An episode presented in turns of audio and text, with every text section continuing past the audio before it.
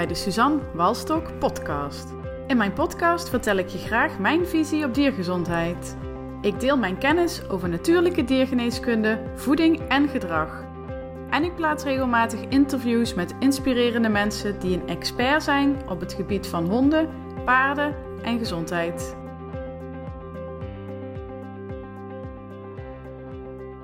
Hallo lieve luisteraars, ik hoop dat alles goed met jullie gaat.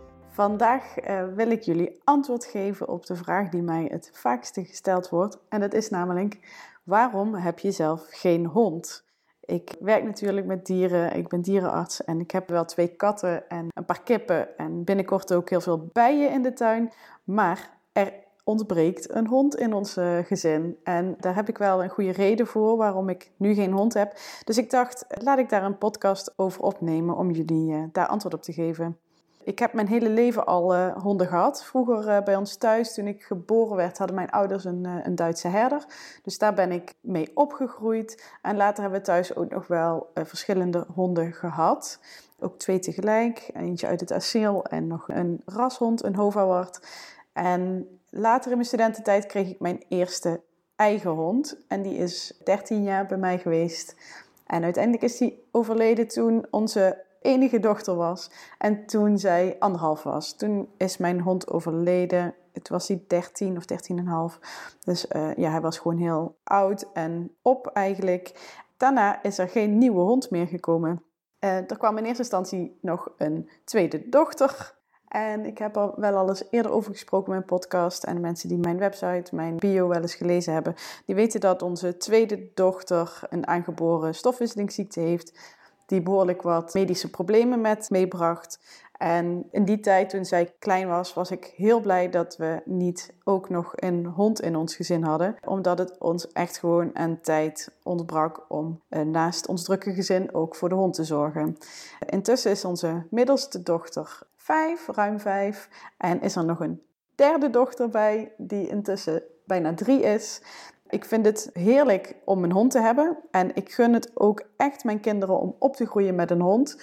Omdat ik weet hoe dat voelt. Hoe je echt een kameraad hebt in huis. Ik weet dat ik daar ook veel troost en steun uit haalde vroeger. Als ik me rot voelde, dan was de hond er altijd om me te troosten. Ik gun mijn kinderen dat ontzettend om een huisdier te hebben waar je ook een bepaalde verantwoordelijkheid voor hebt en die echt onderdeel is van het gezin. En ook het stukje wandelen. Ik wandel nu ook, maar toch vind ik wandelen met een hond of zonder hond echt een verschil. In het begin, toen onze hond overleden was, vond ik wandelen echt stom. Want ik zag echt niet het nut in van wandelen. Omdat je gewoon ineens alleen gaat in plaats van dat je altijd een maatje bij je hebt.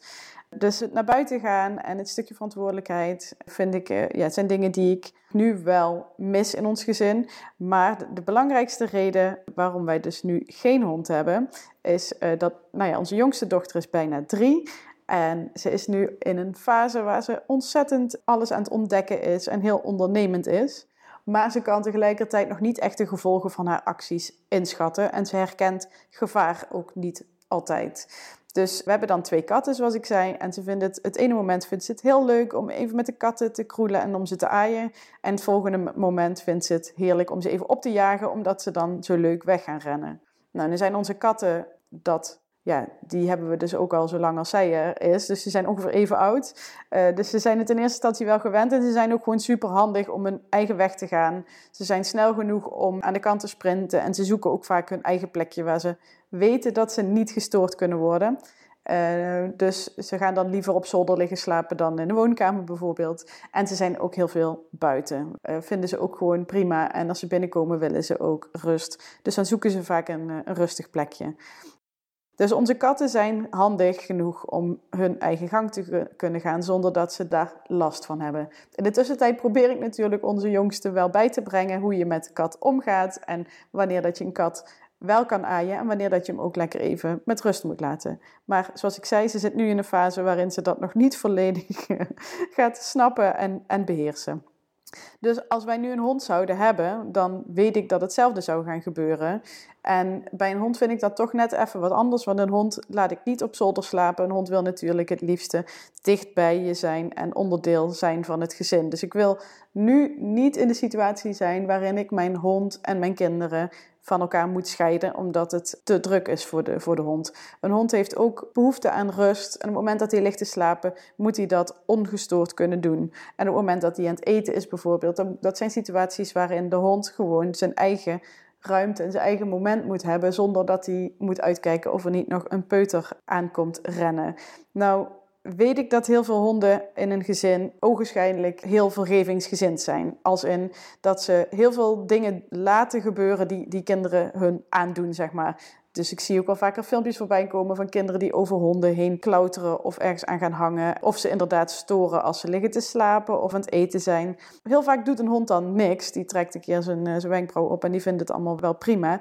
Maar daar wil ik wel tegenover zetten dat het nog steeds niet beleefd is voor een hond. En dat een hond daar wel degelijk stress door kan hebben. Het kan ook zo zijn dat een hond het heel erg lang wel oké vindt. En waarschijnlijk wel subtiele signalen geeft dat hij het uh, minder prettig vindt. Maar als daar heel lang niet op gereageerd wordt en die signalen genegeerd worden, dan zal er een categorie honden zijn waarbij die subtiele signalen op een gegeven moment minder subtiel worden. En nou ja, dan kun je dus wel echt problemen krijgen als honden uiteindelijk gaan bijten. Bijten is natuurlijk een eindstadium voor een hond om aan te geven dat hij de situatie niet prettig vindt. Maar als dat gebeurt, zijn de gevolgen natuurlijk heel groot. En dat is iets wat niemand wil, voor niemand leuk is. Nou ja, vaak krijgt de hond dan de schuld, want die beet uit het niets. Terwijl ik weet als je de hele fase zou gaan filmen en je kreeg de kans om terug te gaan kijken wat er allemaal gebeurd is en wat voor signalen een hond allemaal heeft gegeven, dan denk ik dat je wel heel veel signalen had gezien als je ze had herkend.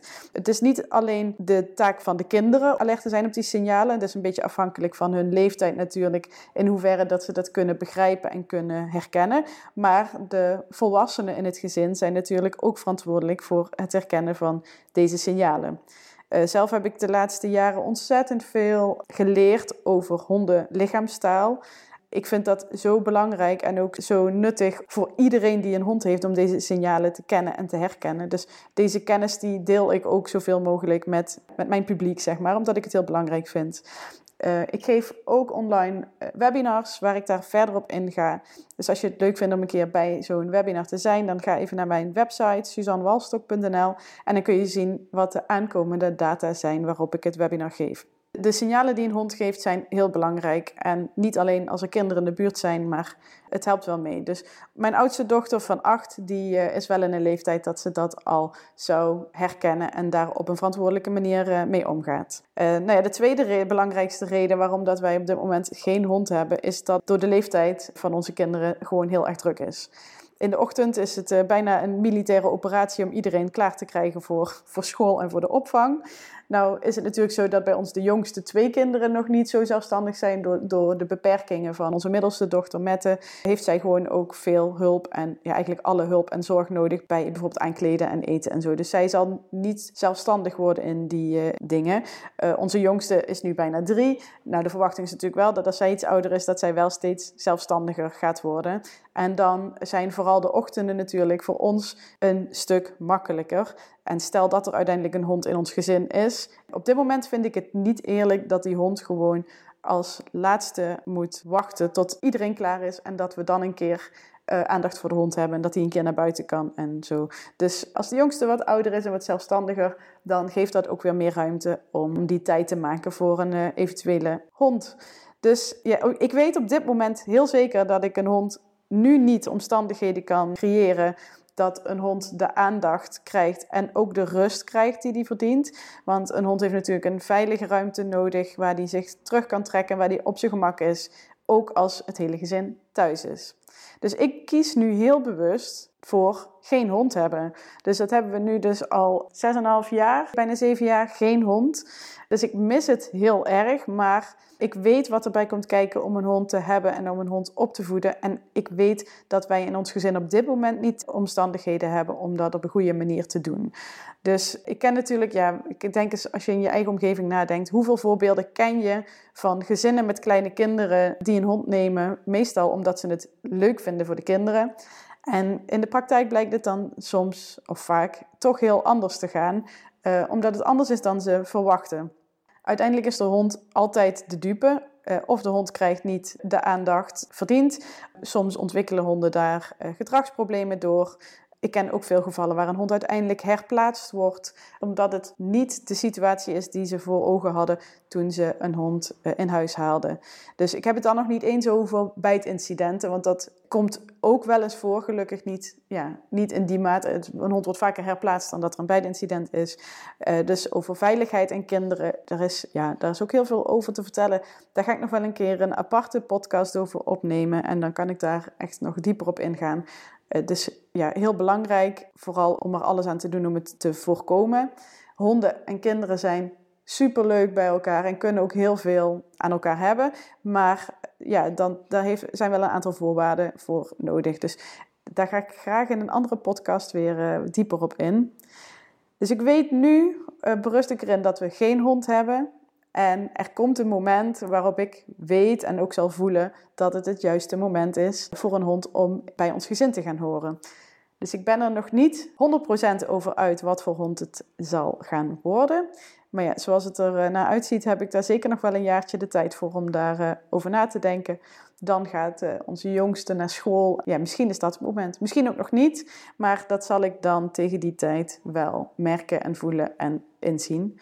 Uh, ik heb mezelf wel stiekem ingeschreven op een wachtlijst. Ik ga nog niet met jullie delen voor welk ras, omdat ik ook nog niet helemaal over uit ben of dat het uiteindelijk gaat worden. Maar ik sta in ieder geval op een wachtlijst. Misschien komt er wel een andere hond ineens op ons pad uh, die dan uh, op dat moment welkom is. Dus uh, ik ga daar nog eens even over nadenken en over uh, brainstormen uh, met mezelf en de rest van het gezin totdat het moment daar is. En dan laat ik het jullie natuurlijk weten. Dan ga ik jullie helemaal spammen met foto's en verhalen. En nou ja, je weet hoe dat gaat. Hè? Als je een hond hebt, dan staat ongeveer je hele telefoon ineens vol met hondenfoto's in plaats van andere foto's. Dat zul je vast wel herkennen. Nou, dit was wat ik voor nu met jullie wilde delen. Tot de volgende podcast. Vind je het leuk om te horen wanneer er weer een nieuwe podcastaflevering online komt? Schrijf je dan nu in voor de nieuwsbrief op www.suzannewalstok.nl.